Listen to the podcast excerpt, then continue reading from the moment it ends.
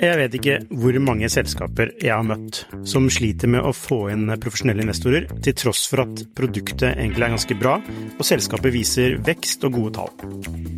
Hvis det er én ting de proffe investorene er på utkikk etter, i tillegg til at du bygger et bra selskap, selvfølgelig, er hvordan du håndterer dine aksjonærer, eller ditt såkalte captable, som det heter på startupsk. Et ødelagt captable setter rett og slett en stopper for selskapsutvikling. Unlisted.ai gjør det mulig for selskaper å håndtere aksje- og opsjonsprogrammer, aksjeeierboken, captable og det meste av rettigheter inn mot aksjene i selskapet på ett sted. Prøv unlisted.ai sin gratulasjon i dag. Hei sann. I denne episoden med Anne Solhaug Tutar kommer hun i skade for å nevne at Antler kan investere 125 000 euro i selskaper som er tatt opp i programmet.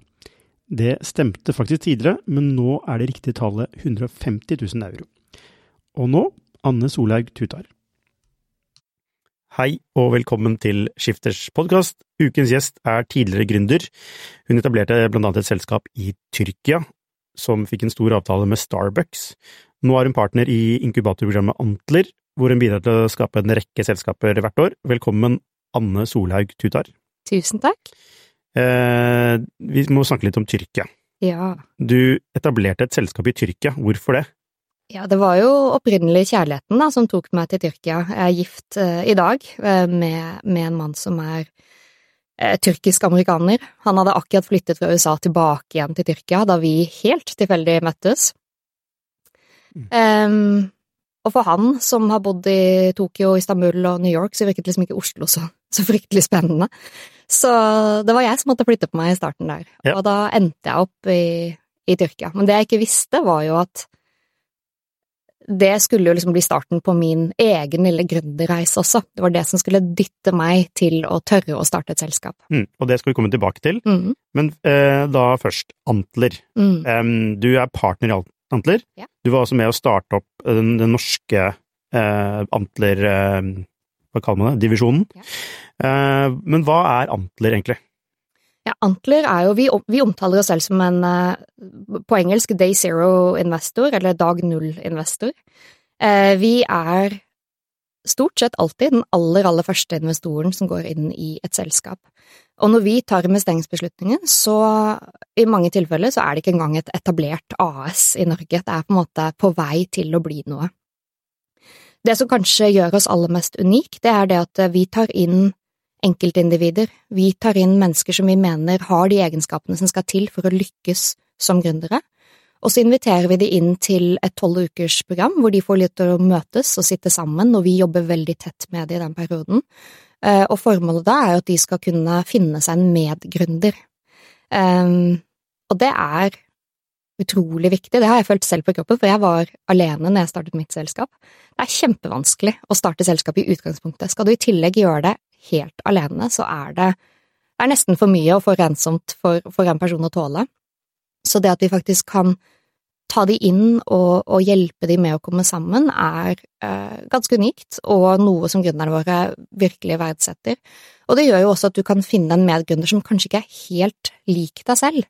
De fleste kjenner jo mennesker som er akkurat sånn som dem, det er de du har gått på skole med, det er de du har vokst opp sammen med, det er de du har jobbet sammen med, og de har gjerne en ganske lik profil som det, som det du selv har. Mm. Eh, mens det vi gjør, er jo å trekke inn individer fra tech, fra business, som har dyp domenekunnskap, som kommer fra energibransjen, kraftbransjen, eh, eiendomsbransjen, hva det måtte være, som har en eller annen helt sånn spesiell, unik edge. Og så putter vi alle disse forskjellige profilene, og forskjellige menneskene sammen.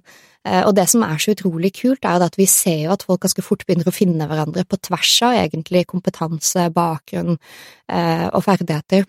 Fin, altså, det er mange som kommer dit med en idé, er det ikke det? Ja. Altså, man må jo ha en idé. Ja, de aller fleste har en idé, og det er nesten litt sånn stresstest som vi gjør når vi intervjuer, fordi det er klart, vi har en ganske streng prosess for å komme frem til de som får, får lov, holdt jeg på å si, til å, til å være med i programmene våre. Um, så vi gjør minimum tre intervjuer av, av, alle potensielle kandidater før de eventuelt får en invitasjon til å komme. Og noe av det vi tester der, er jo har du på en måte de gründeregenskapene og gründermentaliteten som vi ser etter, og noe av det handler jo om å være den typen som på en måte som har lyst til å fikse ting, som ser problemer overalt og tenker åh, søren heller, hvorfor er det ingen som har løst dette på en bedre måte, eller som har opplevd noe i arbeidshverdagen sin, jeg tenker sånn, dette her, det må jo finnes en bedre løsning enn dette her, og det handler jo litt om å ha den der gründer, liksom, um, så, så, vi ser Det er noe vi snakker ganske mye om i intervjuene, um, men vi opplever jo at mange tenker at de vet hva de skal bygge, og så kommer de inn i det miljøet som vi skaper, og så blir det noe helt annet. Og det er også helt greit. Det er mm. helt, uh, helt supert, det. At man kanskje innser at uh, ok, det hun der borte jobber på, det høres egentlig superspennende ut, dette har jeg lyst til å lære mer om, la meg teste og jobbe litt på den ideen og se om dette kan bli noe. Så det er ikke noe sånn at du må ha en idé for å begynne? Du må ikke i utgangspunktet der, men du må nok ha noen interesser, og du må evne å se, liksom Du må, du må ha lyst til å fikse ting. Og vi snakker jo egentlig mer enn mer enn uh, om ideer, så snakker vi om problemer. Uh, mm. Fordi ideer kan noen ganger vise seg å være feil ting å jobbe på. Ja. Eh, du kan ta et produkt til markedet, og så viser det seg at markedet er ikke interessert i det hele tatt. Eh, så for oss er det viktigere at man fokuserer mer på hvilke problem er det du ønsker å løse. Og så kan det være mange forskjellige ideer som er en del av løsningen på det problemet, og ofte så må man jo teste litt forskjellig før man faktisk finner noe som, eh, som fungerer. Love the problem, not the solution. Nemlig. Ja, um, ok, så la oss si man søker på Antler-programmet, mm. mm. uh, og så kommer man inn. Mm. Da er man en av 50. Ja, 50 pluss. 50 pluss personer. Mm. Uh, og så jobber man Hvordan, Hva skjer da? Hva, hva mm. skjer for noe? Mm. Ja, vi har jo lagt opp uh, dagene og ukene ganske intensivt. Så veldig mange sier jo det når de har vært igjennom et Antler-program, at det er sånn oi, det føles som om du henger i stoppene etter et tog som går 400 km i timen. Og det er litt, det er litt meningen også. Eh, vi ønsker å skape et sånt det, det man på engelsk skulle kalt liksom pressure cooker environment. Vi ønsker at det skal være ekstremt høyt trykk, vi ønsker å skape høyt momentum, vi ønsker at veldig mye skal kunne skje på veldig, veldig kort tid.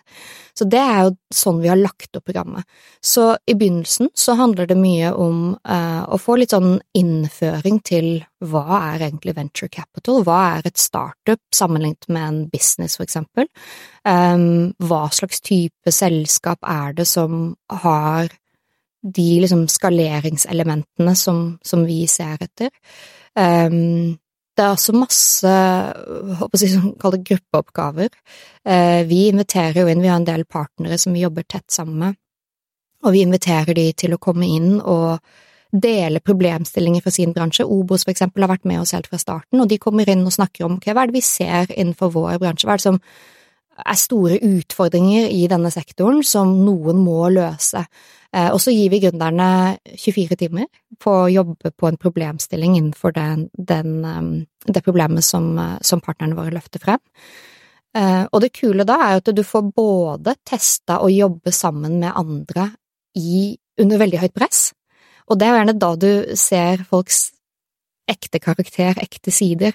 Det å sitte og prate over en kopp kaffe, det er liksom hyggelig, men du blir ikke egentlig kjent med hvordan funker du under press, hva skjer når du blir stressa, hvordan tar du valg, hvordan tar du beslutninger, hvordan, um, hvordan tilnærmer du deg å løse problemer, og det er jo disse tingene som vi, vi lager et miljø hvor du får på en måte veldig kjapt testet det med de andre medgründerne.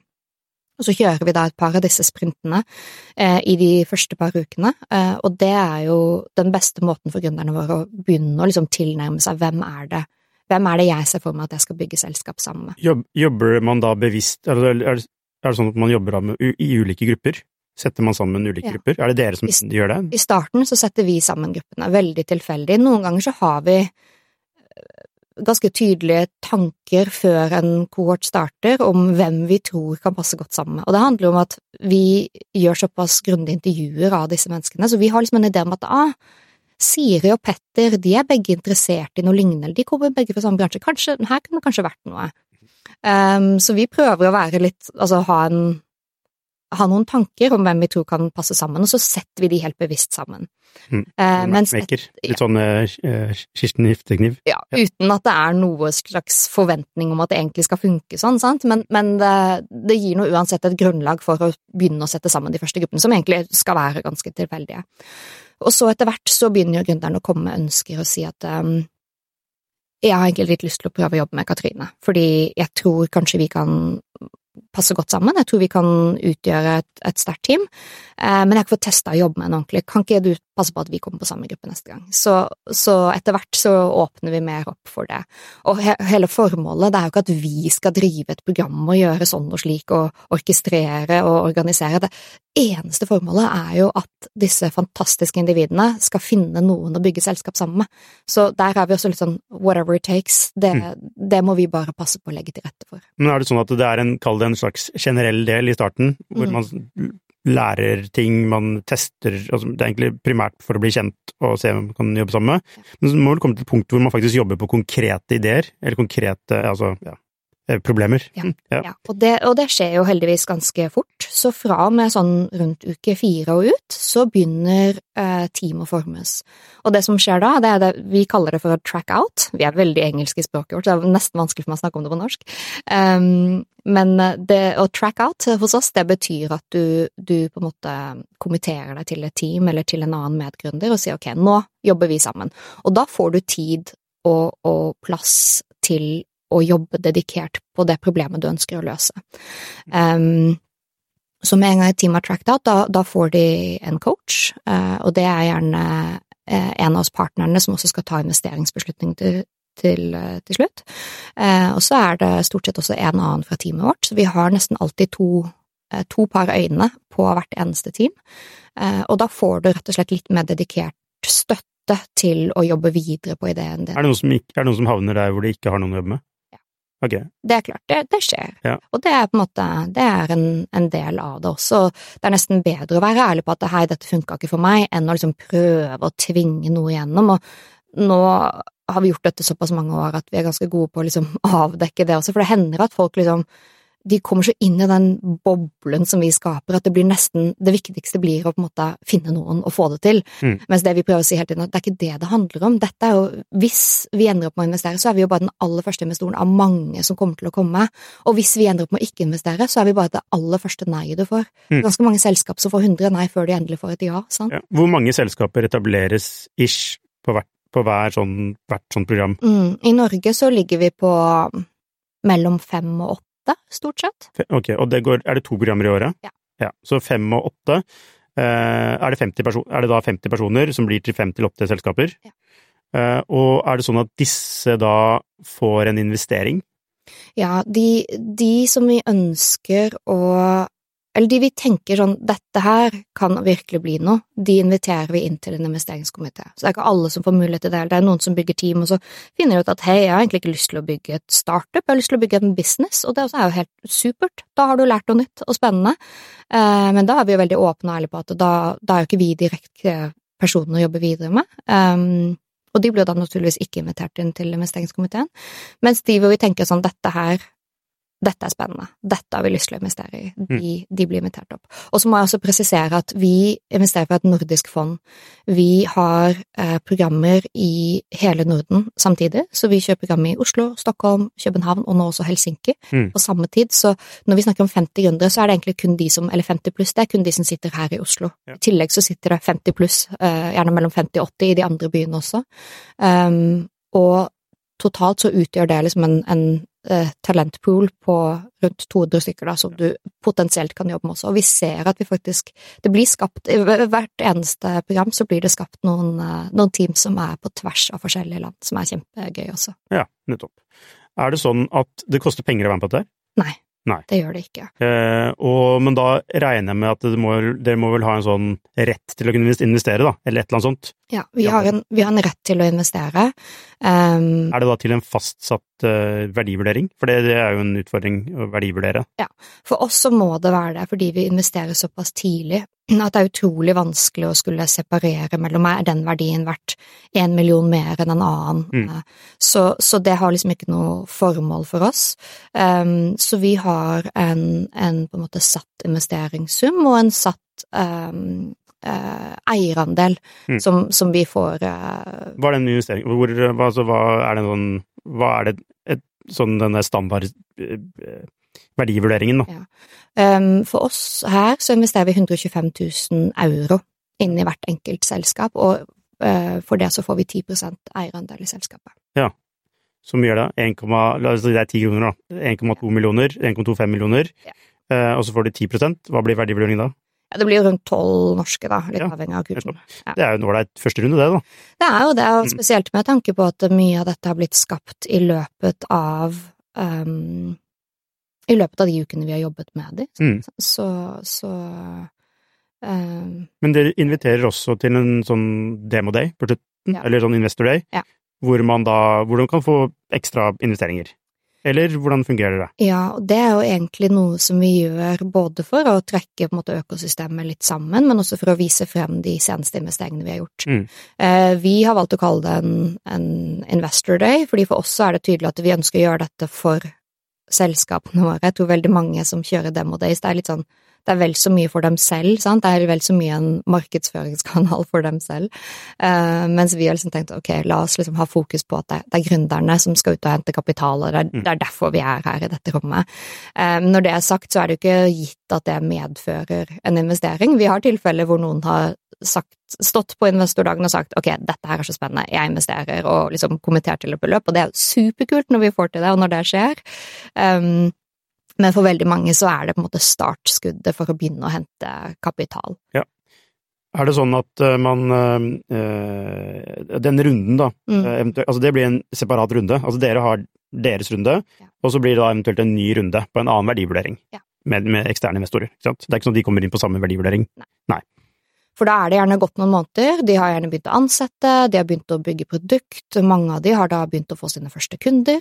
Eh, Så det er klart, da ser selskapet litt annerledes ut enn det det gjorde når vi kom inn, ja. hvor det stort sett var liksom eh, et powerpoint-dekk og gode intensjoner, og ofte liksom de, Gründerne må definitivt ha bevist noe, de må ha bevist at de eh, Altså de, må, de må klare å overbevise oss gjennom det de har gjort og de de har snakket med, at det her tror vi virkelig det, de er inne på noe.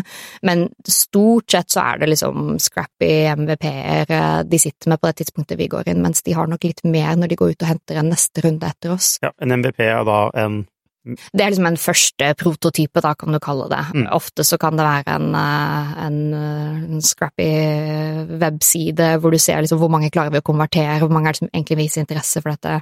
Noen ganger kan det være liksom utgangspunktet til en app, så videre. Har du noen gang tenkt at det, dette her er et bra problem, og det der er en sinnssykt bra idé som de kommer med, og så har, de faktisk lykke, så har det faktisk lykkes? Ja, ofte. Men det, det er klart eh, Vi Det er såpass tidlig vi går inn, sant, at Ja. det, er altfor tidlig å konkludere. Er det én ting som jeg har lært etter nå å jobbe med dette i fem år, det er at man skal være ekstremt ydmyk. Mm. Um, hadde det vært bare å se inn i krystallkulen og kunne si umiddelbart at dette her kommer til å bli noe, var det så enkelt, så, så hadde det jo ikke vært et marked, dette her heller, sant. Um, det er utrolig vanskelig å skulle spotte vinnere, så jeg har blitt overraska begge veier. Jeg har blitt overraska over eh, selskap som jeg tenkte sånn uff, her tar vi en sjanse, men det er bra gründere. La oss se, kanskje de liksom, med litt tid, litt mer kapital, så kan vi se om dette kan bli noe superinteressant. Men utgangspunktet er litt sånn hm, jeg vet ikke helt. Og så overrasker de oss totalt, Sånn. Mm. Og så er det andre selskap jeg tenker sånn this is it. Dette er vinneren.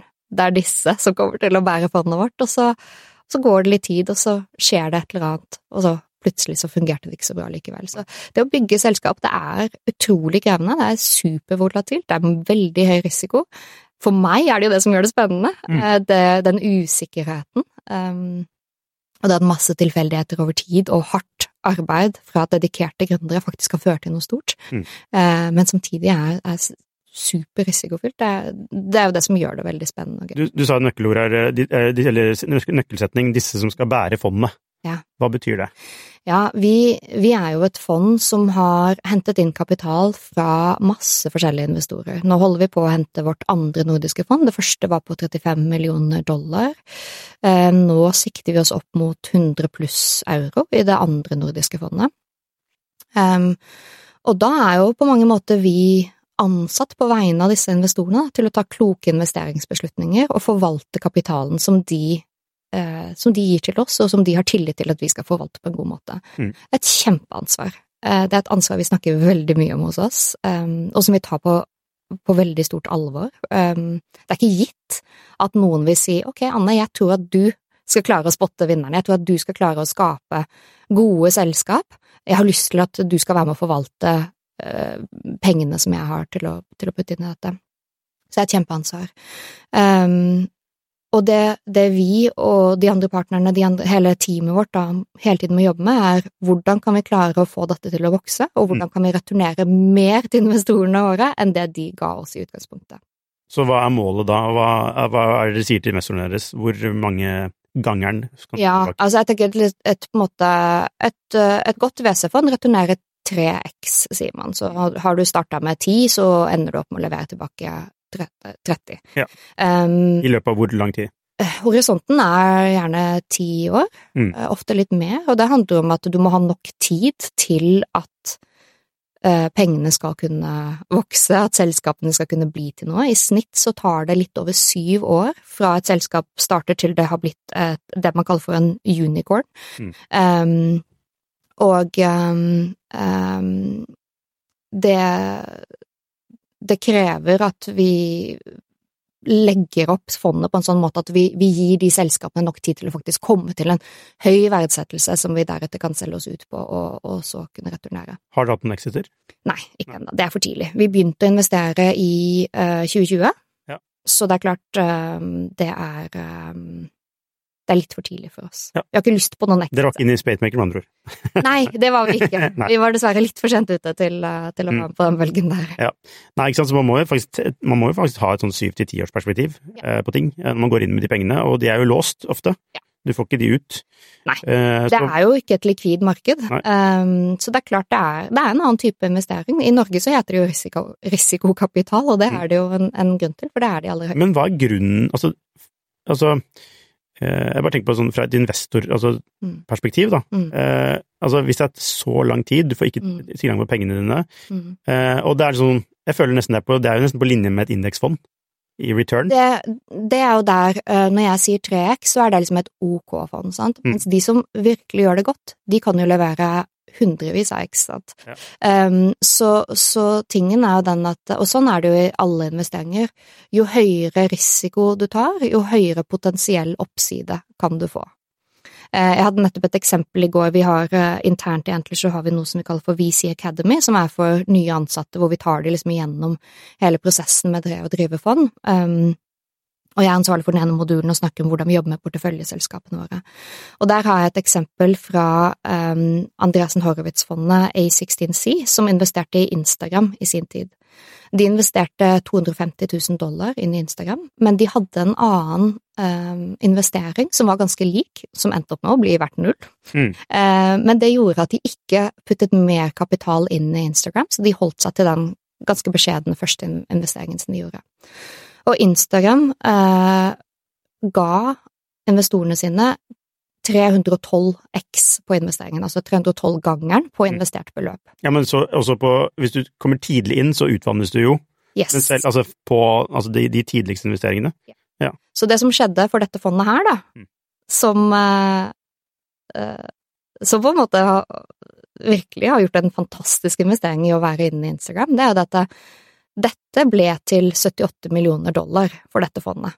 Mm. Og det er fantastisk, det høres fryktelig mye ut, det er fryktelig mye penger også, men eh, når du ser på størrelsen på fondene, nå vet jeg ikke akkurat hvor stort dette fondet er, men det er jo gjerne 100 millioner og opp, så har du på en måte ikke engang returnert én X av fondet ditt, den ene mm. investeringen. Og så har jo alle fond mange investeringer for å ha nok liksom nok potensiell oppside. Ja. Så det er sjelden at det bare er én investering som gjør det godt i et fond. Vi har mer enn 100 investeringer per fond vi har, ja. nettopp for å ha nok diversifisering, for å ha nok liksom horses in the race, som man kan kalle det det. Um, og um, så vet vi at mange av de kommer til å ikke lykkes i det hele tatt, og så er det en del av de som kommer til å gjøre en sånn typisk sånn average mm. exit uh, valuation, og så er det en del av de som kommer til å gjøre det fantastisk godt, og det er jo de som driver fondet vårt. De som da bærer fondet? Det er de som bærer fondet, ja. ja. Så det er jo det vi alle ser etter, hvem er disse unike selskapene som kommer til å bære fondet vårt? For å, hvis jeg kan eh, tildele deg rollen som en slags djevelens advokat, mm -hmm, yeah. eh, for å komme med argumenter mot denne modellen mm. fra et gründerperspektiv, hva ville du sagt da? Um, jeg tenker at det å hente inn kapital på denne måten, det er liksom Det er en, en trade-off. Um, det er noen gründere som ønsker å starte selskap på egen hånd, og som bare putter Altså på egen hånd, da mener jeg uten å ta inn ekstern kapital, og som det vi kaller for å bootstrappe, altså at de bare putter sine egne sparepenger inn i det, eh, og bygger sten på sten. Uh, og det som er flott med den modellen, er at du har 100 eierskap over selskapet ditt. Du har aldri en investor som du må på en måte svare til. Uh, du har ikke noen forventninger om hvordan det selskapet skal returnere. Um, men det som kanskje er negativt, det er det at veksten vil være ganske mye saktere enn dersom du tar inn ekstern kapital. Mm. Det betyr at du må begynne å selge før du kan begynne å ansette, stort sett, for eksempel. Uh, du må få til veldig mye mer alene. er det ikke nettopp det som er tidens mantra? Eh, sånn det derre Altså, det, vi har gått fra en sånn veldig mm. WC-modell, som du mm. beskrev veldig godt, mm. til en modell hvor uh, man uh, Altså til en gammeldags bygge mm. sten på sten, bootstrapping-modell, hvor altså lønnsomhet er blitt mer sexy. Ja, og det tror jeg du har helt rett i, at det er noe som investorene fokuserer på veldig mye mer nå også, er å se lønnsomhet, eller liksom um, path to profitability, som vi ofte snakker om. Du må kunne se at det er innenfor rekkevidde. Så Der har det nok vært et skifte i løpet av de siste årene, men, men, det forandrer egentlig ikke mekanismene som ligger i bunn, som handler om at skal du vokse fort, så må du ta inn noe kapital for å kunne begynne å ansette. Det jeg tror, det du beskriver der, er jo egentlig det at vi har vært inne i en veldig sånn hype-syklus, hvor det har blitt puttet um, kanskje mer kapital enn nødvendig inn i dette her, fordi vi alle ser stjerner og tenker at dette her, her kan vi virkelig tjene store penger. Eh, verdsettelsen har vært ekstremt høye over en, over en gitt periode. Um, og så har man liksom hatt null fokus på dette med lønnsomhet. Bare sånn sprøyt inn kapital, og så håper vi at dette her blir fantastisk bra. Vi tror at dette kommer til å bli fantastisk bra. Nå tror jeg alle har liksom senka seg litt. Vi er inne i et annet type marked nå. Um, og nå handler det mer om å bygge lønnsomhet og, og vokse på en mer fornuftig måte, men ikke uten å ta inn kapital. For du trenger fortsatt det for å kunne um, Ansette? Kunne ansette, kunne begynne å gjøre det stort, kunne begynne å markedsføre, avhengig av om det er liksom B2B-modell eller en B2C-modell. Er det B2B, så kanskje du trenger et større salgsteam og salgsapparat. Er det mm. B2C, så må du ha et vanvittig markedsføringsbudsjett. Eh, jobber du med hardware, så skal du ha ganske mye kapital for å begynne å utvikle fysiske produkter. Så uavhengig av modell, det er litt, det er litt forskjellig måte å bruke pengene på forskjellige behov, men, eh, men uavhengig så er det jo det at du må um, for å kunne vokse fort, så, så, er du stort sett avhengig av å ta en kapital. Og jeg kan jo da en sammenligning til det selskapet som, som, jeg startet. Jeg hadde ikke tilgang på kapital. Jeg var en norsk jente i 20-årene som flyttet til Tyrkia og skulle starte mitt eget selskap. Det var ingen som ville gitt meg penger. Eh, ikke hadde jeg noe bakgrunn innenfor det jeg drev med, ikke hadde jeg gjort det før. Um, jeg hadde ikke tilgang på kapital. Vi vet jo også, dessverre, at kvinner har mye lavere tilgang på kapital også enn en det menn har. Så for meg så var ikke det et alternativ. Og det gjorde at når jeg skulle vokse, når jeg landet kontrakten min med Starbucks, så måtte jeg ta et lån i banken. Og det å få et lån i banken som gründer er også vanvittig vanskelig. Den eneste måten jeg fikk lov til det på, var at vi, jeg og det som nå er min mann, vi måtte um, stå personlig som garantister for dette lånet. Mm. Eh, jeg fikk et veldig begrenset lån. Jeg tror jeg hadde rente på 16% på lånet mitt. Ekstremt dårlige betingelser. Men jeg trengte allikevel den kapitalen for å kunne begynne å selge til en aktør som Starbucks, så jeg måtte jo betale for produktene før jeg fikk betalt av de. Ja. Um, og sånt, det, det, er liksom ofte den skvisen du står i som gründer, er at du, du, har noen utlegg i begynnelsen av denne reisen før du kan begynne å få inn inntekt. Mm. Ja, det skader aldri å ha kapital. Det gjør ikke det, vet du. Det, det, gjør, eh, det gjør, reisen veldig mye lettere, og, og, for min del så ble jo dette bare et vanvittig stort stressmoment. Mm. Det at jeg skyldte penger til banken, og at jeg måtte hver måned betale tilbake igjen det, og jeg sto i en kjempelikviditetsskvis. Hver gang jeg leverte en stor leveranse til Starbucks, så var det nesten sånn åh, vær så snill, og håper jeg de betaler i tide, for hvis de ikke gjør det, så det, det var liksom nesten sånn på timene, sant, at jeg akkurat fikk inn nok kapital til akkurat betale det avdraget, ja. før jeg skulle ut og gjøre det samme en gang til. Mm. Var det en tyrkisk bank? Ja. ja. Mm. Det er ganske høy rente i Tyrkia, ikke? Nå er det helt grusomt. Jeg syns 16% var ganske heftig også. ja. men ja, dette er egentlig en fin overgang til selskapet du, eh, du startet. Altså, mm. du, du, ble med mannen din til eh, din fremtidige mann mm. til Tyrkia. Ja. Til Istanbul. Ja. Og hva fikk deg til å tenke at du skulle starte et selskap der? Var det for å ha noe å gjøre? Både ja og nei. Jeg tenker jeg har alltid jeg har alltid hatt et sånt ekstra gir i meg. Jeg har alltid hatt store ambisjoner og drømmer. Jeg har alltid lyst til å gjøre noe på egen hånd. Når jeg, når jeg studerte, så tok jeg til og med en fordypning, dro til Berkeley og tok en fordypning innenfor innovasjon og entreprenørskap. Så det har alltid vært noe jeg har brydd meg om. Men jeg var nok altfor redd til å tørre å gjøre noe her i Norge. Jeg var altfor redd for hva vil folk tro og tenke. Bare det å flytte til Tyrkia skapte jo kjempestore reaksjoner. Jeg hadde liksom en god jobb, jeg hadde folk som satsa på meg, jeg fikk til ting, og så plutselig skulle jeg si opp den jobben og flytte, og folk var litt sånn hva Mm. er det som går av deg? Um, og når jeg først hadde liksom tatt alle de store valgene der, så ble plutselig ikke det å starte et selskap i tillegg så veldig mye mer skummelt. Så det var liksom det som gjorde at jeg um, Hvor, en- hvor, mye, hvor ille kan det bli, liksom? det, det er noe med det. Jeg hadde en unnskyldning til å tørre å satse, og det der hvor ille kan det bli, det ble jo mitt mantra. Hver gang jeg tenkte sånn nå tør jeg ikke, eller dette er for stort, eller dette er for skummelt, eller hva det måtte være, så fikk jeg som vane å stille meg spørsmålet hva er det verste som kan skje? Og for meg, eh, åpenbart eh, forstår jeg at dette er en privilegert person som snakker når jeg sier dette, men for meg så var det verste som kunne skje, var sånn ok, men da får jeg flytte hjem til mamma og pappa, da. Mm. Og så får jeg bo litt eh, på jenterommet der, Mm. og så får jeg få meg en jobb igjen. Det var liksom for meg alt, det var alt, Etter å ha stilt det spørsmålet et par ganger, så var det alltid det jeg kom tilbake til. Det er faktisk det absolutt verste, kanskje. Det er egentlig ikke så ille allikevel. Nei, men det er interessant, for mange sier akkurat det du sier, da. Mm. Eh, Og det er jo litt interessant, altså rent økonomisk Mm. så er det jo på en måte Hvis du bor i Norge, så er du nesten Mm. forplikta til å starte et selskap, tenker jeg. For, altså sånn, for du, du vil ikke sulte, det, ja. Du vil ikke sulte, liksom. Altså, det er gratis helse Altså, i USA er det noe helt annet, Mm. uh, men altså, i Norge så er det nesten sånn Ja.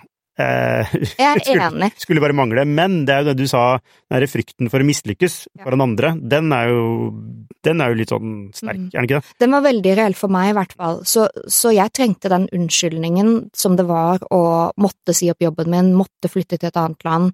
Den, den unnskyldningen skapte nok rom til at jeg kunne da tørre å gjøre det som jeg tror jeg egentlig hadde hatt lyst til i veldig lang tid, eh, men som jeg ikke turte å begi meg ut på.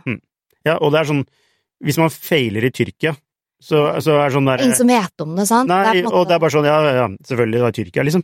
Ja, og så nå har jeg veldig andre perspektiver på det enn det jeg hadde da. Da var jeg i midten av 20-årene, jeg hadde akkurat begynt å jobbe, jeg hadde jobbet veldig hardt for å ta en master og liksom komme meg inn og få meg en god, trygg jobb og gjøre, gjøre alle disse tingene her, så da var jeg veldig redd for å feile, og hva det kunne medføre for fremtiden min. Nå har jeg jo et helt annet syn på det. Nå tenker jeg jo sånn, for en erfaring. Mm. For en kul CV. Ja.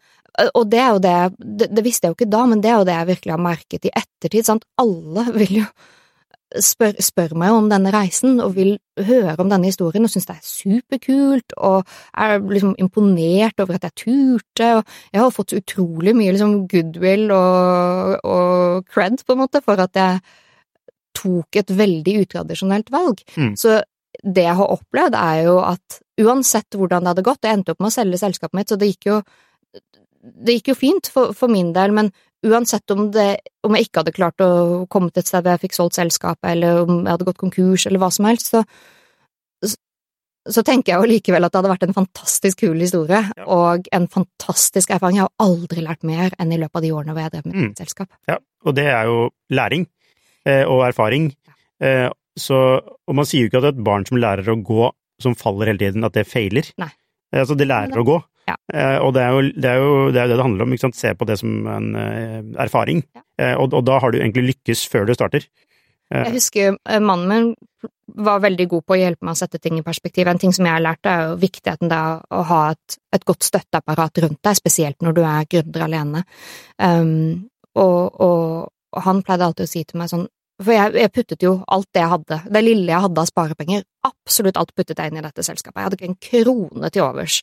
Um, så for meg føltes det som å ta ekstremt stor risiko. Så sa han sånn, men i verste fall, da, så er dette som å ta en MBA.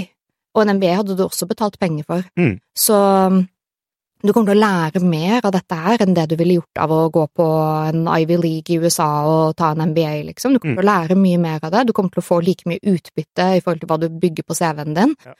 Og det kommer til å koste deg rundt det samme, sant, eller kanskje mindre. Så mm, det hjalp veldig for meg å Mm. tenke på det på den måten. vi, du, vi har faktisk ikke snakket om hva det var selskapet gjorde engang. Hva, hva, hva het selskapet ditt, og hva gjorde det? Selskapet het Future Foods. Hva er pitchen? Um, den tror jeg har glemt nå, etter syv pluss år. Men eh, det jeg gjorde, var at når jeg flyttet til Tyrkia, så, så begynte jeg å lete liksom, hva er det som mangler i dette markedet. Hva er det jeg har sett fungere i andre marked som jeg ikke har her. Um, og en av de tingene var sunnere snackalternativer. Eh, I Tyrkia så var det liksom baklava og bakverk og søtsaker, veldig, veldig søte søtsaker. Ja. Eh, eller så var det liksom en banan eller en pose nøtter, det var på en måte ingenting imellom. Um, og jeg hadde for vane å lage meg sånne produkter, lage meg sånne sunnere snacksprodukter selv. Jeg var veldig opptatt av um, helse, jeg var veldig opptatt av Sånn eh, protein bars, liksom? Sånn, Ja. ja. Mm. ja, en sunn livsstil, så jeg lagde veldig mye uh, sånne raw bars, uh, som jeg kaller det, um, hjemme på egen hånd. Og så når jeg da kom til Tyrkia, så at for det første, det, fant, eh, det var ikke mulighet til å få kjøpt det der, og for det andre så oppdaget jeg at jeg kunne kjøpe alle ingrediensene jeg trengte på en hvilken som helst dagligvarebutikk, fordi de ingrediensene som jeg trengte, de Det er jo det man dadler? Ja, det er dadler, det er nøtter, det er um, krydder. Mm. Alt det har du jo tilgang på, tørka frukt, alt det har du veldig god tilgang på i Tyrkia. Så jeg var litt sånn, ok, dette er en megatrend i USA. Det er en bransje som vokser vanvittig sterkt år etter år. Um, det har gjort superinntog i Europa og beveger seg liksom beveger seg gjennom verden. Eh, jeg husker jeg satt og regna på hvor mange år Tyrkia liksom hang etter sånne typiske trender. Og tilgangen på råvarene. Så var det sånn, men dette her, det er jo dette jeg skal drive med. Det er dette jeg skal drive med. Altså, du hadde investert i deg selv fra- Antler-programmet? Ja, jeg har faktisk gjort en sånn investering Ja. i, i Antler også, i et uh, babymatselskap som heter Grugru, som, som nå har lansert veldig lignende type produkter. Um, så det var det jeg gjorde. Jeg tok frem uh, sunne, jeg kalte det chia bars, for jeg hadde chiafrø oppi også, som var liksom den lille edgen som gjorde det litt spesielt fra det som fantes i, i utlandet også. Um, og uh, begynte å jobbe for å få disse produktene ut på, på hyller i Tyrkia. Hva var første steg? Hva, gjorde, hva, liksom, hva, hva er det første steget du gjør da? Mm. For min del, da, så var jeg veldig Jeg har alltid hatt et sånt eh, et uttrykk som jeg liker, som jeg liker veldig godt, som har drevet meg mye. Uh, go big or go home. Mm. Um, og for min del så var jeg veldig tydelig på at hvis jeg skal gjøre dette her, så gidder jeg ikke lage noen sånn hjemmelagde greier som jeg pakker inn i papir og selger til øh, folk jeg kjenner. Mm. Det er jeg ikke interessert i. Skal jeg først gjøre dette her, så skal det bli noe ordentlig stort. Um, så jeg var veldig bevisst på, og det jo Det var kanskje ikke så bevisst der og da, egentlig, men jeg har liksom sånn i etterpåklokskapen sett at det var jo egentlig en, en, det var en slags strategi der. Um, det var at jeg var veldig tydelig på at produktene mine, de måtte inn på Starbucks. Mm.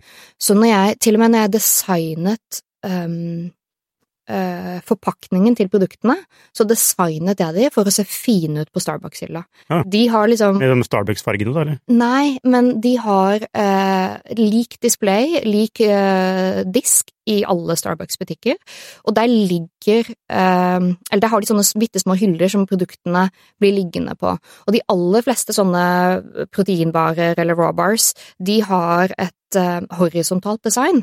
Og legger du en sånn horisontalt på hylla, så vil du enten ikke se produktet, Mm. eller hvis du reiser det opp, så vil du bare se liksom begynnelsen av teksten. Mm. Så er det sånn, ok, men mine produkter må designes på en sånn måte at de kan stå på hylla, og da ser du fortsatt, da ser du fortsatt hele produktet, hele Mm. labelen, um, det ser rett og interessant da. bra ut. Så, så jeg var liksom supertydelig på det jeg nå har skjønt er et Northstar metric. Mm. Hadde et veldig, veldig, veldig tydelig mål Ja. som var så klart for meg. Jeg måtte på Starbucks. Det var ikke noe alternativ. Det var den eneste måten jeg kunne lykkes i det tyrkiske markedet, følte jeg, var å komme på Starbucks-hylla. Mm. Um, og det er jo ikke sånn at du kan bare liksom banke på døra der med noe hjemmelagde greier og si hei, jeg har lyst til å være i sortimentet deres.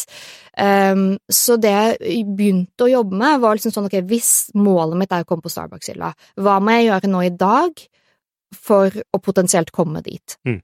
Um, og ved, gjennom litt sånn tilfeldigheter så hørte jeg at eh, Unilever var på jakt etter eh, noen sunnere alternativer å ha i sin kantine. Unilever har en vanvittig sterk Hvordan hørte du at Unilever var på jakt? Husk, Altså, jeg, jeg tror det var, hvis jeg ikke husker helt feil, jeg tror det var fordi jeg jobbet jo med et designbyrå som skulle lage eh, designet på produktene mine, logoen og alt sånt noe. Eh, og jeg tror de hadde jobbet for et av Unilever-merkevarene og sagt liksom ah, det var noen som snakket om dette her. Um, så da fikk jeg booket et møte med dem. Um, gjorde masse research på forhånd med hvem jeg skulle møte, uh, så at det var mange kvinner fra markedsføringsavdelingen um, som var satt opp på dette møtet her, og jeg tenkte sånn, supert, dette er jo mm, prima liksom, target group for meg. Jeg vet ikke hvor mange selskaper jeg har møtt som sliter med å få inn profesjonelle investorer, til tross for at produktet egentlig er ganske bra, og selskapet viser vekst og gode tall. Hvis det er én ting de proffe investorene er på utkikk etter, i tillegg til at du bygger et bra selskap, selvfølgelig, er hvordan du håndterer dine aksjonærer, eller ditt såkalte captable, som det heter på startupsk. Et ødelagt cap table setter rett og slett en stopper for selskapsutvikling.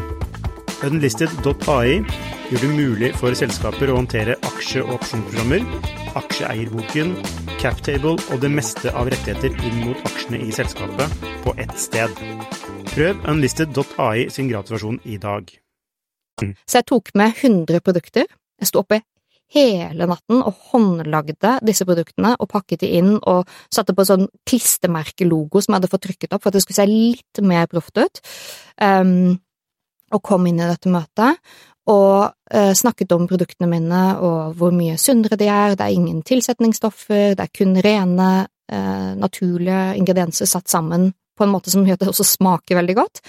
Um, og så sa jeg jeg tok med noen prøver til dere, jeg legger de her.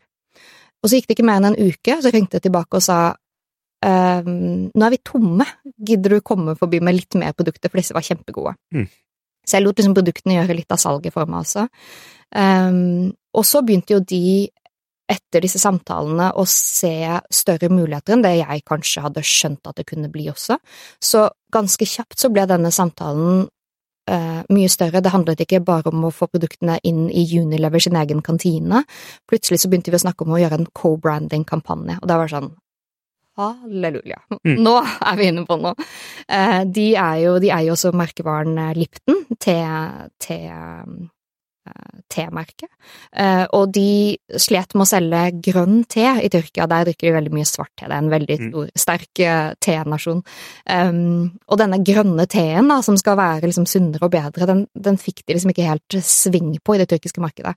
Så det er sånn, men du har sunne snacksprodukter, vi har sunne teer, la oss gjøre noe sammen om dette her. Så jeg lanserte rett og slett mine produkter i Tyrkia i en um, i en eh, markedsføringskampanje sammen med Unilever. De betalte alle kostnadene. De bestilte et Mener å huske at første bestilling var på 300 000 produkter. Shit. Ok, nå må jeg bare skaffe meg et produksjonsfabrikk. Ja. Men det ordner seg. Um, og, eh, og, det var ganske sånn surrealistisk etter så kort tid å plutselig se produktene mine på store liksom influensere sine Instagram-profiler som satt og liksom drakk grønn te og holdt mine bars. Ja, ja. Uh, kjempegøy. Og da var det bare sånn ok, nå har jeg momentum. Hvor fikk man kjøpe dette her da? Uh, da kjøpte man på dagligvarebutikk. Så de, oh, hadde, de lagde en sånn Dette var uh, De brukte sine distribusjonskanaler med å få et produkt? Vanlige dagligvareforretninger, ja. mm. kunne du kjøpe en sånt lite kit. For i enda mer kontekst så var dette også den tiden hvor det, det var et stort konsept som het T-tox. Mm. Hvor man skulle drikke teer, og så, var det liksom, så ble du tynnere, og det var så, ja. bare tull. Eh, Bra ord, da. Men, T-tox. Uh, um, men det var i hvert fall en hype på den tiden der, så vi rei litt den bølgen. Um, og lagde da et sånt kit hvor du kunne liksom hver dag så hadde du en liten snackbit fra meg og en tepose. Um, og det er klart, uh, når disse produktene var ute i hyllene, det var jo da jeg følte at ok, dette er tiden til å tørke på, nå er det bare å bruke dette her for det det er verdt. Og det var da jeg tok kontakt med Starbucks og begynte å åpne dialogen rundt hvordan kan vi få disse produktene på hylla. Ok, for du ga deg ikke med det målet om Starbucks? Nei, nei, nei, nei, nei, det var jo fortsatt uh, North Star Metric. Jeg skulle på Starbucks, og det å få Unilever, supert. Mm. Det ga meg masse kredibilitet, og det er jo ofte det man som gründer mangler, sant. Er, du har ikke bevist noe enda. Du er helt avhengig av at folk tør å satse på deg i mm. starten. Mm. Og nå hadde Unilever turt å satse på meg, og det gjorde jo at jeg kunne åpne masse andre dører og si ja, men hallo, hvis Unilever, en av verdens største merkevarer, mm. syns mine produkter er gode nok, hvorfor skal jeg ikke være god nok for Starbucks? Mm. Så du hadde ikke fått Starbucks uten Unilever? Det hadde i hvert fall tatt ganske var... mye lengre tid. Ja. Uh, det tror jeg, fordi de er superstrenge. Nå sa de faktisk til meg at um, den due diligence-prosessen som, som, jeg gikk gjennom sammen med de, uh, er den raskeste de har hatt noensinne på verdensbasis. Mm. Så de virkelig, de ønsket jo også virkelig å ha produktene mine der, når de så at ok, her, her, er vi inne på noe, dette kan bli en skikkelig kul hype. Um, og igjen, i Tyrkia så hadde de jo ikke noen sunne alternativer, de, de manglet jo totalt denne produktkategorien, den eksisterte ikke, det var ingenting av det der, uh, og jeg var plutselig den som kunne gi de nøkkelen til å bygge ut dette mm. på sine kafeer. Det var en veldig fin win-win. Vi har ikke snakket så mye om produktet i den forstand at det må jo lages, altså det må jo ha en oppskrift, altså det, altså det, bare hadde du? Nei, det måtte jeg jo lage, og bruke, brukte masse tid på det også. Hvordan lærte du deg det? Nei, Selvlært, da? Nei, nei, jeg hadde jo lagd det selv hjemme i ganske lang tid, og var jo veldig interessert i dette her, så, så, jeg hadde liksom et utgangspunkt å starte på, men jeg brukte ganske lang tid på produktutvikling, og så lærte jeg jo det, igjen da, jeg gjorde noe jeg aldri har gjort før. En av de tingene jeg lærte, var jo at det du lager i liten skala på kjøkkenbenken, og lager liksom en, det blir jo en slags deig, da, å lage liksom én kilo med den deigen, det er veldig annerledes å lage det i 100 kilo. Ja. Uh, så da må du justere oppskriften din. Så jeg måtte gå ganske mange runder med liksom sånne justeringer uh, for å få det til å smake godt. Men jeg var veldig tydelig på på én ting, og det tror jeg var en del av det som gjorde at jeg lykkes, og det var det at jeg skal aldri gå på kompromiss med smak. Um, og veldig ofte, og kanskje spesielt i Tyrkia, så var det en litt sånn derre sunt er lik vondt. Tyrkia mm. det er en matnasjon, de er så opptatt av maten sin, det er en utrolig sterk og rik matkultur. Så det er bare, Du har ikke lyst til å spise noe som ikke smaker godt. Det er liksom en fornærmelse mot uh, din egen tunge putte mm. noe vondt i munnen. Da skal, du, da skal, det være fordi du virkelig sånn Jeg er på diett, ok, jeg kan spise noe ekkelt.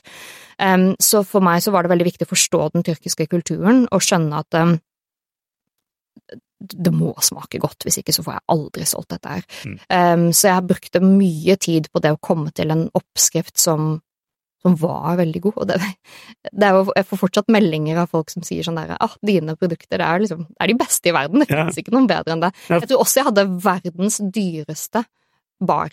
I hvert fall én ja. av smakene. ja, okay. ja, Hvilken var det? Trøffel?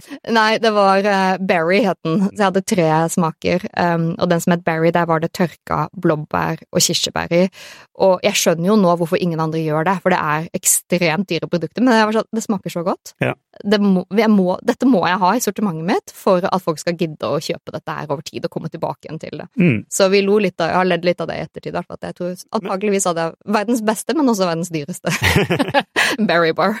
Men du kom da altså inn i Starbucks til slutt, eh, og hva betydde det i form av eh, bestillinger og leveranser, da?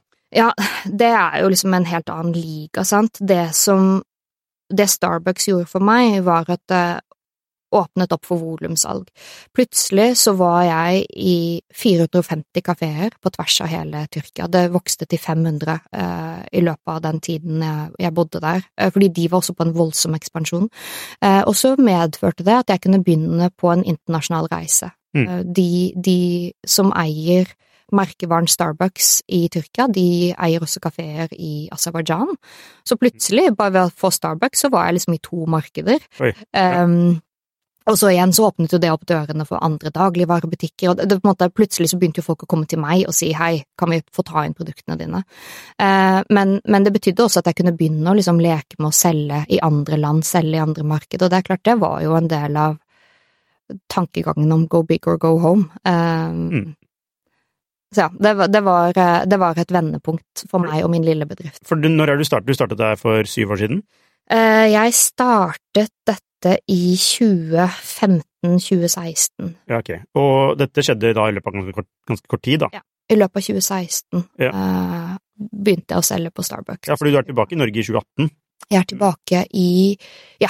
Med Antler-programmet? Ja. Så da uh, bygger du selskapet, og du får, får, det solgt. Ja. Hvorfor selger du selskapet hvis det går så bra? ja, uh, det var et kjempetøft valg. Uh, det var som å skulle Kanskje da man skal selge selskap, når det går bra? Ja, selvfølgelig, sant, så er det, så er det noe positivt i det også. Det var, mange, det var mange ting, og det er det ofte med gründere. Det, vi er jo bare mennesker, vi også. Uh, på den tiden så hadde jeg blitt gravid, og da var jeg veldig tydelig på at uh, nå vil jeg hjem. og vi planla å flytte til Norge. Og jeg innså ganske kjapt at hovedmarkedet mitt var Tyrkia, produksjonen var i Tyrkia, de ansatte var i Tyrkia.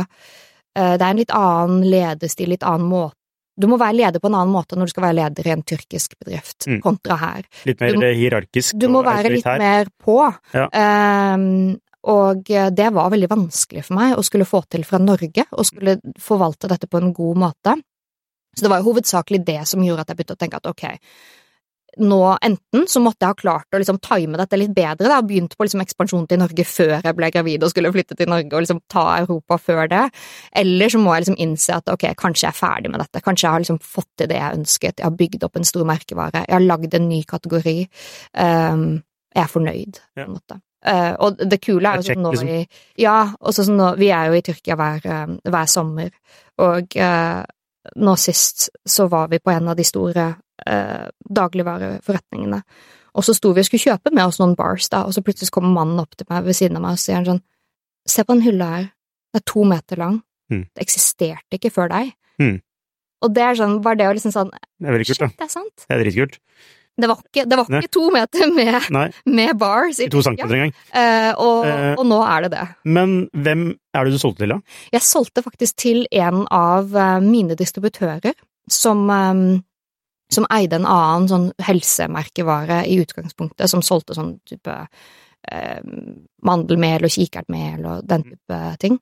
Eh, og når jeg sa Jeg var jo fryktelig heldig, eh, så når jeg sa til de at jeg tror at jeg kommer til å måtte selge, eh, for jeg tror ikke jeg får til dette fra Norge, eh, så sa de umiddelbart da er vi interessert. Mm. Så jeg var jo kjempeheldig, timingen var fantastisk god, bare et par måneder etter at jeg solgte, så krasja jo hele ehm, hva heter det, hele currency, altså den tyrkiske lire, ja, mm, valutaen, mm. ehm, stupte, eh, og jeg hadde jo eksponering mot dollar i en del av råvarene jeg kjøpte inn, ja. så det ble kjempevanskelig, så jeg tror liksom, jeg var veldig heldig, jeg ga meg liksom på topp på alle måter, Ja. Eh, og så tror jeg det forretningsklimaet i Tyrkia siden har vært veldig, veldig tøft, så når jeg ser tilbake på det, så var det jo bare en velsignelse at jeg solgte på det tidspunktet jeg gjorde, og, og kom meg ut og kan liksom se tilbake på en kjempespennende, lærerik reise. Mm. Um, og jeg slapp å gå igjennom den tøffe perioden som Tyrkia har vært igjennom nå, med inflasjon og dårlig valuta og Det har vært mye. Nei, men det er, eh, det er eh, Timing er eh, Timing er alt. viktig for å lykkes med selskaper, og ikke minst exiter. Mm. Mange som har vært heldige med exiter her. Men, men du er jo heldig fordi du er i posisjon til å være heldig med det. Det vil si, du har bygd et selskap som uansett står Altså, det er jo helt fantastisk Mm. å få til det i et annet land, Mm. som ikke er helt sånn Det er liksom ikke Sverige heller. Nei, og det er jo noe av grunnen til at jeg ble med i Antler, sant, fordi jeg hadde, jeg hadde denne erfaringen som var en fantastisk erfaring, men også utrolig smertefull. Mm. Utrolig tøft. Det er jo uten tvil Hva er det verste som skjedde under eh, det, Altså, det er jo det er som å stille spørsmål hvor lang er en planke, men hva, hva, hva husker du som spesielt kjipt? Åh, det er mye. Uh, det, det, jeg snakker jo ofte om Altså, det å starte selskap, det er som å drive med brannslukking og problemløsing på daglig basis. Og sånn føltes det virkelig for meg også, og kanskje spesielt når jeg drev med mat, for det er så mye som kan gå galt. Det er ikke liksom en programvare. Eh, det er mat som folk skal spise, og uh, det, det var masse jeg følte Det var derfor jeg var så sliten også på slutten der, og liksom følte sånn derre wow, jeg har vært gjennom et maraton, fordi jeg følte at jeg, det, jeg gikk bare fra én ting til den neste, og det er veldig lett å snakke om alt det positive, men for eksempel da jeg skulle lansere med Unilever, eh, og hadde lagd disse 300 000 produktene, så innser jeg at eh, den daddelmassen som jeg har fått, Mm. er full av bitte små sånne Altså steiner fra dadlene. De Ja. har kjøpt av, har ikke gjort en god nok jobb på å ta ut steinene før de har most dette sammen, da. Ja. Eh, og jeg var sånn, ok, så i produktene som jeg nå skal lansere med, Mm. så er det små fragmenter av daddelstein i. Mm. Og det er liksom, det er ingenting jeg får gjort med det. Det husker jeg, det var sånn Ja, for det, altså, ja, for hva gjør du da? Nei, enten så kan du Og, og på en måte, det står, det står på alle sånne produkter uansett, altså, for det er måte- av eh, stein? ja, det, for det kan forekomme. Det, det vil forekomme fra tid til annen. Um, og du kan på en måte ikke helt sikre deg mot det. Um, men det var liksom sånn, enten så har jeg jo nå gått konkurs, Mm. Uh, og må kaste alle disse produktene og starte på nytt, men da går jeg konkurs. Ja. Eller så må jeg bare satse på at folk eh, tåler at det er noen av bitene av daddelstein i seg. Mm. Og heldigvis, der er jo tyrkere et tilgivende folkeslag, fordi det er de på en måte Ja. Det er ikke så uvanlig, så det gikk jo veldig mye bedre enn jeg så for meg, men jeg tenkte jo liksom sånn uh, This is the Det er ikke noe du kan gjøre. of my company. Ja. Nei, det var forferdelig. Så det er ett eksempel, og det er noe som skjedde veldig tidlig, sant, og så er det jo det, ja. Mm. Det er å, å drive selskap på egen hånd handler om å være utrolig god på å løse problemer. For det kommer ting fra sidelinja som du aldri kunne sett for deg engang. Ja, det er jo det det egentlig primært er, er det ikke? det? Eh, Uforutsette ting som du må løse. Ja. Det er jo noe av det vi tester for sant? når vi intervjuer gründerne våre. Er, vi har et eget intervju som er dedikert til problemløsning. Og hovedformålet vårt er å avdekke hvor god er denne personen på å liksom løse utfordringer on the go, tenke kjapt, øh, tenke muligheter, finne ut av ting. For det er jo det gründerreisen handler om. Og så er det jo utrolig viktig å ikke gi opp når de tingene skjer. Jeg kunne jo ha lagt meg ned og bare ok, det gikk ikke, det Mm. ikke, det var synd, jeg prøvde. Mm. Allerede der, sant, før jeg i det hele tatt hadde lansert. Um, og der må vi jo finne folk som har litt sånn stamina, som orker å stå i det, og bare ta den ene kampen etter den andre, som ikke gir opp. Ja. Det vi kaller for liksom grit, tenacity, det å på en måte bare bite tenna sammen og fortsette. Men apropos det, og litt sånn tilbake til Norge igjen, da, og Mm. Eh, altså de gründerne som dere jobber med og ser går videre, Mm. hva er liksom de viktigste bestanddelene blant de som lykkes? Mm. Ja, dette er også det store, evige spørsmålet. grit. Hva er, ja, Ja. hva, hva skaper en suksessfull gründer? Og det er masse sånne fine buzzwords man kan bruke, men det er veldig vanskelig å liksom definere kjernen av det 100 Noe av det handler om dette er å ikke gi opp. Um, det å tørre, eller orke, å stå i ting. Um, og så er det dette med problemløsning, som jeg allerede har nevnt også. Eh, det handler om å ha en indre sånn drivkraft. Eh, Og det er kanskje den jeg syns er mest spennende og kompleks. Sant? Hva er det som gjør at du gidder? Fordi de aller, aller, aller fleste gidder ikke. Mm. De har ikke det ekstra giret eller den indre drivkraften um, som gjør at de orker eller gidder å starte noe. Så det er jo noe av det vi ser veldig mye etter. Og så snakker vi mye om på en måte, hva er det som gjør denne personen helt unik, hva er det denne personen kan som ingen andre kan, hva er deres liksom spike? Eh, og det kan jo være masse forskjellig, det kan jo være liksom ekstremt gode kommunikasjonsegenskaper, eller det kan være en sånn dyp domenekunnskap, Mm. eh, men, men det, du må gjerne ha et eller annet ved deg, en eller annen edge som gjør deg litt unik og, og spesiell. Um, så ja, det er noen av de hovedtingene Ja. som vi fokuserer på. Det du snakker om nå, er egentlig i stor grad verdier. Eh, Ja, jeg vil si det noe av det er det, og noe av det er rett og slett også sånn personlighetstrekk, Personlig- vil jeg si. ja, i personlighet Eh, eller sånne ting som er innebygget i deg, noe ja. du er. Ja.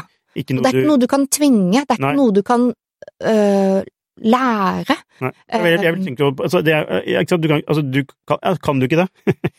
eh, altså, er det, er det noe du enten er eller ikke, eh, så skal man avdekke det, eller, eller er det ting altså, Nå tenker jeg på sånne ting som eh, kompetanse, da. Mm. Sant? Det å, Mm. ha erfaring med å drevet en startup tidligere, for eksempel. Ja. så det er en del sånne ting som du faktisk Ja. kan erfare, da. Ja. Versus det at noe som er altså kall det medfødt. Men du skal samtidig lene deg inn mot risiko. Du skal samtidig ønske å ta store sjanser. Du skal samtidig gå for et liv som er mye tøffere enn et A4, komme på jobb klokka ni og gå klokka fire-fem og ta ovale helger og dra på hytta. Du velger bort alt det. Du velger bort tryggheten, og du velger deg mot det vanskelige og det risikofylte. Går det, ikke, går det ikke an å være en suksessfull gründer med å tenke at du skal liksom kunne kombinere det med å ha familie og jobbe normalt osv.? Jeg tror definitivt man kan det på sikt, men den første oppstartsfasen krever nok veldig mye. Hvor lang tid er den, da? Det, det er jo avhengig, altså, eller det er veldig individuelt, vil jeg si, men vår um, CEO, Magnus Grimland, som også har startet og solgt flere selskaper og er en, en utrolig vellykket uh, gründer, um, han snakker ofte om det å frontloade. Og det tror jeg er veldig riktig, jeg tror det er veldig klokt å snakke om det. Frontloadet, det handler om at du på en måte rydder kalenderen din og gjør, gjør deg klar for en superintensiv periode. Uh, han snakker jo ofte om at liksom, ring familie, ring venner, snakk med kona di eller mannen din, snakk med barna dine og si nå skal mamma gå inn og gjøre noe skikkelig, skikkelig tøft, og jeg kommer til å bruke det neste året, eller de neste to årene, eller hva det måtte være, på dette her. Dette blir hovedfokuset mitt, og det kommer til å bli tøft, og jeg håper de vil støtte meg i det.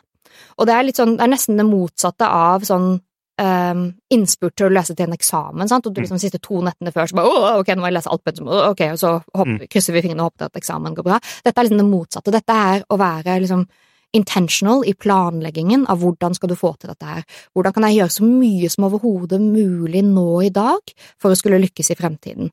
Det er å frontloade. Mm. Uh, og det tror jeg er veldig riktig. Det, det må nok til uh, hvis du skal bygge noe stort. Og igjen, det er mange gründere som har lyst til å starte en bedrift og bygge sten på sten, og det er helt fantastisk.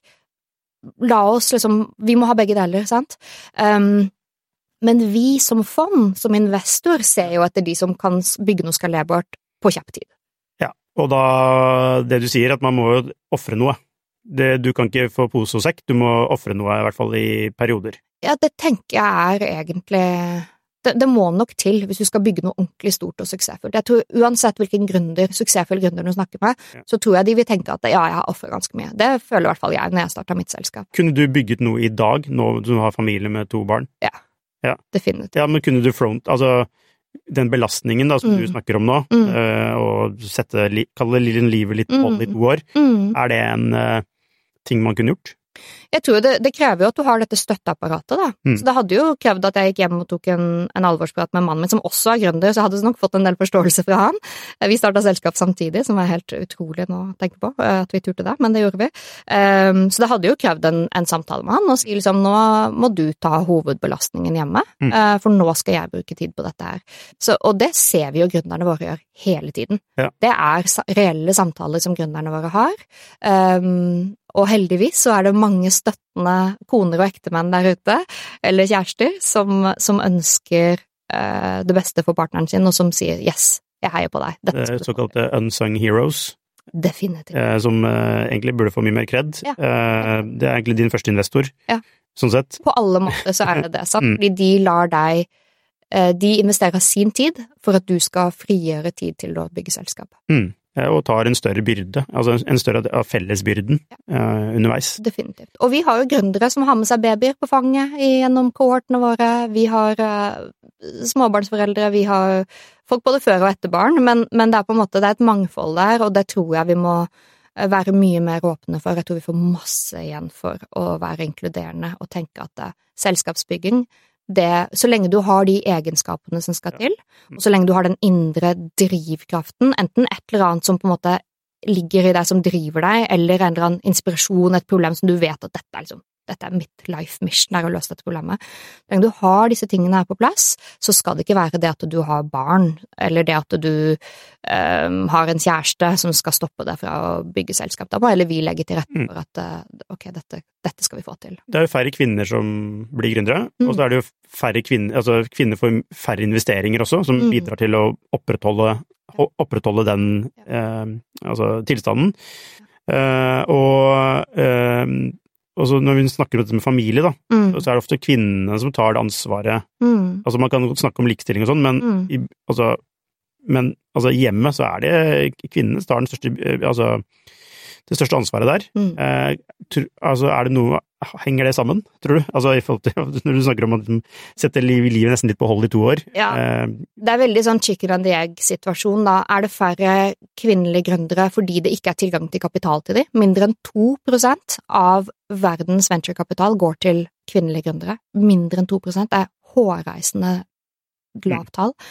Så er det det at det ikke finnes kapital til kvinner som gjør at de ikke starter, og at det krever mye mer risiko av kvinner å ta det steget fordi de ikke har den den kapitalen å lene seg på, eller, eller er det det at det ikke har vært kvinnelige gründere som gjør at det ikke er kapital? Det er, det er måte, jeg tror nok det er en kombinasjon av begge deler, men det stilles definitivt høyere krav til kvinnelige gründere, og jeg har snakket med mange som føler at det er krevende, det er, det er en annen kompleksitet i det å drive selskap som kvinnelig gründer, og dessverre så er ikke alle investorer modne for at det er så mye det, det du får av å ha kvinner som gründere, gir deg så mye mer enn det du på en måte jeg på å si, risikerer, og da, når jeg sier risikerer, så er det jo snakk om sånn, ok, men du kommer til å få barn på et tidspunkt, hva skjer da? Den type Mm. dialog, som jeg tror har sittet litt for langt fremme i pannebrasken på en del investorer, og som nå heldigvis vår bransje snakker mer og mer om, og er mer og mer åpne for å um, tilrettelegge for. Så jeg har jo for eksempel en, en fantastisk gründer som skulle ut og hente kapital uh, som gravid, og som var stilte det reelle spørsmålet skal jeg fortelle dem at jeg er gravid, mm. eller skal jeg liksom prøve å skjule det, hvordan skal jeg angripe den situasjonen? Dette var under korona, så da kan man jo liksom sitte på en sånn video, og det behøver ikke være et tema, mens når du går inn i et rom og du har en stor kulemage, så blir det liksom ja. er litt vanskelig å ikke snakke om det også, men det man er redd for da som kvinnelig gründer, er jo åpenbart at det vil være med på å påvirke investeringsbeslutningen, og det er jo det man ikke ønsker. Men det gjør det jo. Men det gjør det jo. Altså, det er, verden er jo brutal. Ja, i altfor stor grad så, ja. så, så, er det en del av uh, alle de elementene som man vurderer før man gjør en, en, investeringsbeslutning. Og det er utrolig synd, for det gjør jo at kvinner må Vi får en ekstra byrde på oss, da. Da må vi som kvinner bevise at nei, jeg kommer tilbake igjen, og jeg mm. En uke på barsel, og så er jeg her igjen, eller, eller man blir tvungen til å bygge opp et team på en helt annen måte. Men tenk Altså, vi var litt inne på det, i stad, systemet, altså WC-systemet. Som er jo, altså det er på godt og vondt, så er det jo rent kapitalistisk. ikke sant? Det handler om å tjene mest mulig penger, og det er egentlig litt sånn kynisk også. Mm. Tenker ikke så mye på mm. hva som er riktig, mm. egentlig. Uh, altså, kan et sånn system sørge for at det blir at vi får bedre, altså får bedre likestilte samfunn. Mm. Altså jeg, er litt, jeg er personlig litt usikker på det, da. Jeg bare føler at det er, sånn, det er et gap mellom det å skulle bare tjene mest mulig penger, mm. og se alle potensielle utfordringer som kan mm redusere sannsynligheten for å tjene mye mer penger, ikke sant? Mm. Som graviditet eller andre ting, da. Mm. Altså hvis det hadde kommet inn en person kanskje i rullestol, da, for den skyld, som ville tenkt ja, nei, det Ikke sant, skjønner du? Altså, altså, in, altså jeg sier ikke at investorer, alle investorer er sånn, men hvis målet er å tjene penger, mm. så, så mm. er du ja. ja. Det tenker er fint, er at kunnskap er makt. Eh, det har over de siste årene kommet ut mye mer forskning og mye mer kunnskap om fordelene ved mangfold. Um, da Antler ble startet i 2018, så var det et veldig tydelig mål, og det er noe vi har snakket om helt fra starten, at vi ønsker å tilrettelegge for mangfold. Og det er jo basert på at det, liksom, har kommet ut så mye forskning som viser at selskap med mangfold, selskap med kvinner i toppledelsen, de gjør det bedre enn selskap som mangler mangfold. Uh, og jeg tror Likestiller du nå kvinner med mangfold?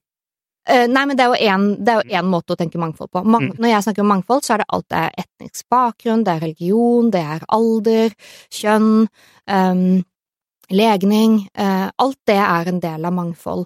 Og, og, det vi ser, er jo at mangfold driver suksess.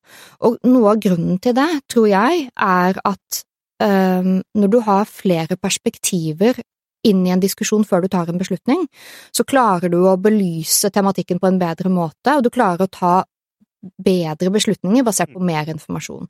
Og Det er jo kanskje enda mer viktig i et startup, fordi eh, de første årene i et startup er veldig make it or break it, og hver eneste lille beslutning du tar, er med på enten flytte deg i retning av at dette blir en suksess, eller ta deg tilbake igjen og flytte deg i retning av at dette kommer ikke til å funke.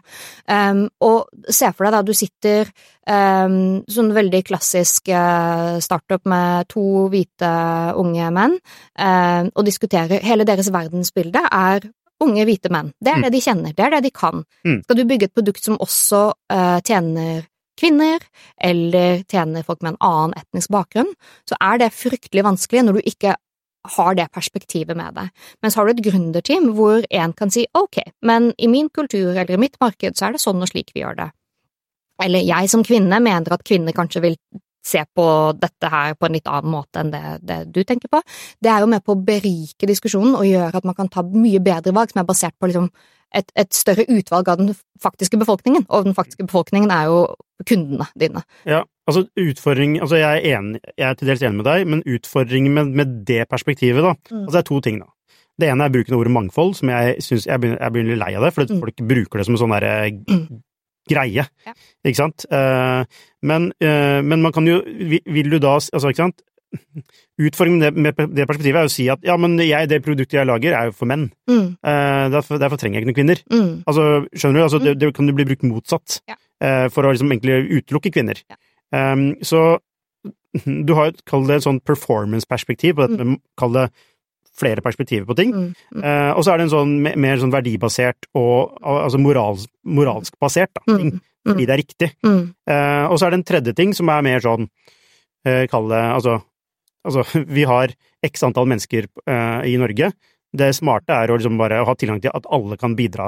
Mm. Altså, Mm. og tilgang til alt, alt mulig talent som finnes der, Mm. uavhengig av Mm. kjønn etc. Mm. Så det egentlig burde man ikke snakke om mangfold, men bare være sånn tilgang på talent. Mm. Altså, Mm. tilgang på talent blir større hvis det er flere du potensielt kan jobbe altså for, for det, da. Ja.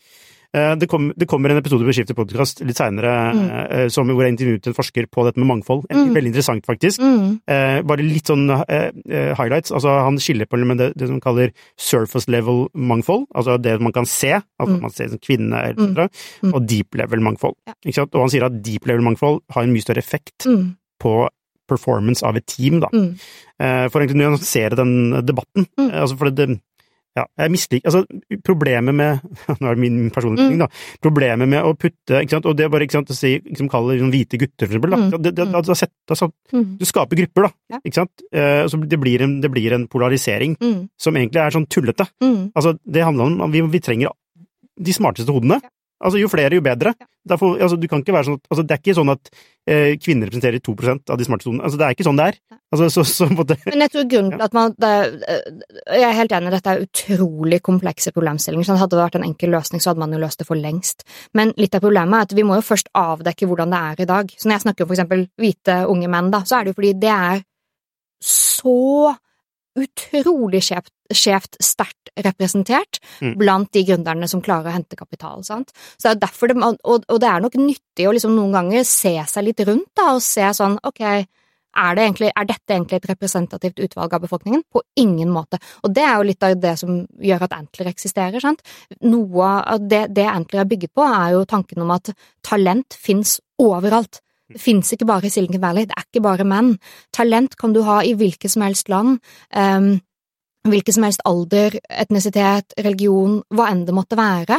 Um, og vi ønsker jo å gjøre det talentet, altså gi det muligheten til å starte selskap. Og det er helt reelt, at det er det ganske mange som ikke har hatt mulighet til før. Mm. Uh, og jeg tror jo ikke vi kommer videre uten å snakke om det, uansett hvor ukomfortabelt det er, og uansett om det noen ganger blir litt feil. og av og til så tenker jeg liksom sånn, det at man skal drive og arrestere hverandre, det er ikke med, det er ikke en det gjør ikke debattklimaet bedre heller. Nei. For det er Jeg tror vi alle er enige om at dette er vanskelig. Jeg tror ingen vet nøyaktig svaret, men det viktigste er nå at man faktisk begynner å snakke om det, at man er klar over det. Jeg tenker, um, Sånn som i går, da, når jeg hadde dette um, akademiet for noen av våre unge ansatte, så, så var alle sammen delt inn i grupper, tre grupper, eh, og jeg hoppa litt inn og ut av de forskjellige grupperommene, og i det ene gruppen så var det bare menn som var satt sammen, det var noen andre som hadde lagd disse gruppene, og da reagerer jeg. Når jeg kommer inn i et rom med seks menn som eneste kvinne, så får jeg nå litt sånn oi, ok, hva skjedde her? Mm. Um, og nå ligger det som en ryggmargsrefleks for meg at jeg reagerer på det. Sånn har det ikke alltid vært. Mm. Det er ganske nytt for meg at jeg reagerer på det. Jeg har sittet i styrerom hvor jeg var den eneste kvinnen, og det var liksom helt sånn, ja, men sånn er det bare. Ikke still spørsmål ved det, det er bare sånn verden er. Mm. Um, så det er noe med det å faktisk begynne å snakke om det, og si sånn ok, er det bare gutter som er invitert inn her, eller får jeg også lov til å være her? Sånn, man må faktisk begynne å belyse det. Ja. Um, og det skjer ikke av seg selv. Er, er du ikke enig i at det Mm. altså, man, Men det skapes altså det skapes altså polemikk mellom at grupper Altså, altså du, du skaper en uf, altså lite fruktbar diskusjon, Mm. fordi du Det tror jeg kommer litt an på hvordan man, hvordan man gjør det. Sant? Jeg for eksempel liker ofte å angripe dette med humor.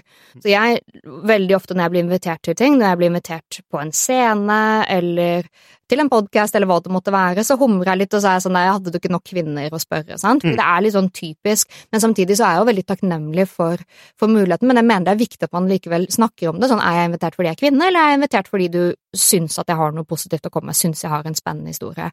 Og jeg tror det er viktig at man på en måte fortsetter å snakke om dette her. Jeg skal gi deg et eksempel som jeg syns var utrolig morsomt. Vi har eh, en helt fantastisk kvinne hos oss som er head of capital. Um, vår bransje er veldig mannsdominert. Når du snakker om kapitalinnhentingen innenfor venture capital, så er det enda mer mannsdominert. Altså, en head of capital som er kvinne, det er fortsatt dessverre ganske uvanlig. Fordi veldig ofte de du henter kapital av, er menn. Um, og uh, vi hadde en, en partnersamling i um, Portugal i fjor.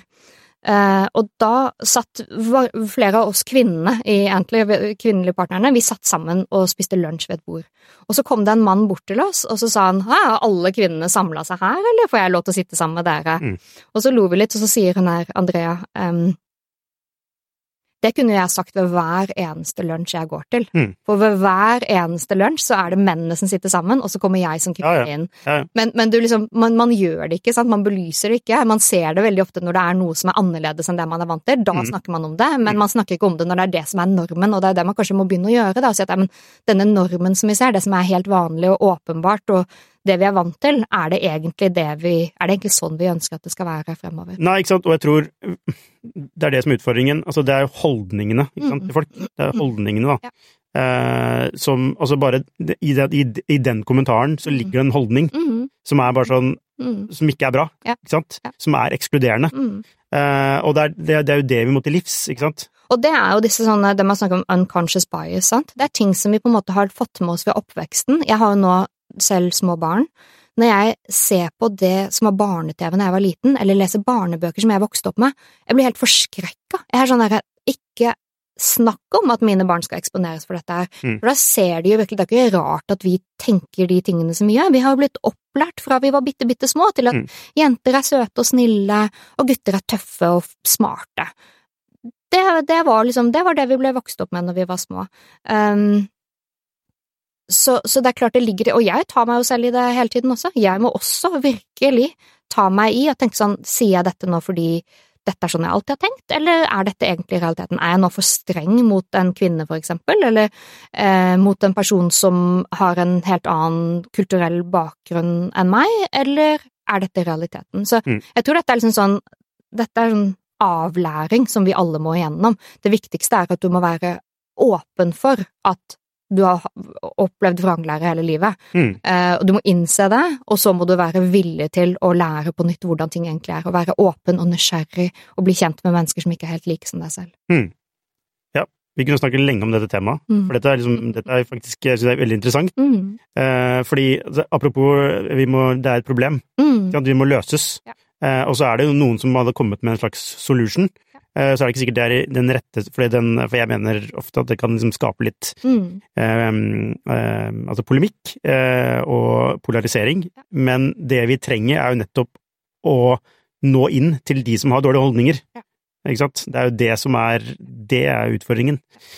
Eh, da fikk jeg siste ord her. Da.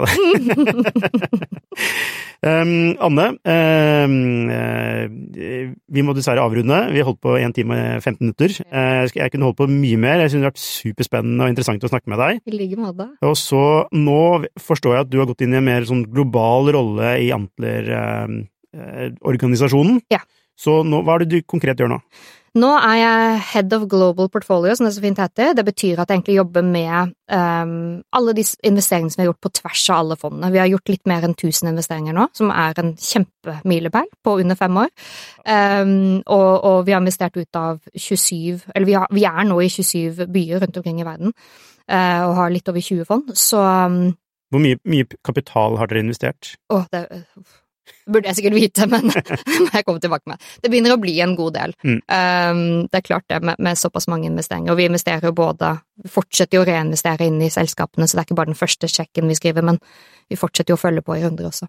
Um, så ja, jeg skal jobbe, jobbe internasjonalt, uh, og jobbe med gründerne våre hvor enn de måtte sitte, fra Australia til Japan til uh, Brasil og USA. Ja, du nevnte noe her sånn, altså man, dere fortsetter å invitere også, så dere kan følge opp uh, runder, men da er det ikke noe satt verdivurdering, da er dere med på det markedet er villig til å betale. Vi tar aldri lead på neste runde, for vi har ikke lyst til at vi skal være med på å skrive opp vår egen portefølje heller, så vi lar alltid noen andre ta lead og sette sette verdsettelsen i en ny runde, um, men da følger vi som regel opp um, og kjøper tilbake igjen vår liksom, prorate andel, sånn at vi fortsetter å holde 10 Det er ikke alltid vi kan gjøre det, men, men målet er jo at vi skal ha så høy eksponering som mulig uh, når det forhåpentligvis en dag blir en exit i et selskap, um, og det krever at vi fortsetter å reinvestere. Så opp til serie A uh, fortsetter vi å reinvestere, og så har vi et fond som Uh, er uavhengig, som begynner å investere på pre-AA, som heter Ah. Antler Elevate. Nettopp, så Så dere vi- har, eh, skal ta hele syklusen dere. Vi kan følge gründerne opp til nå rundt CD, um,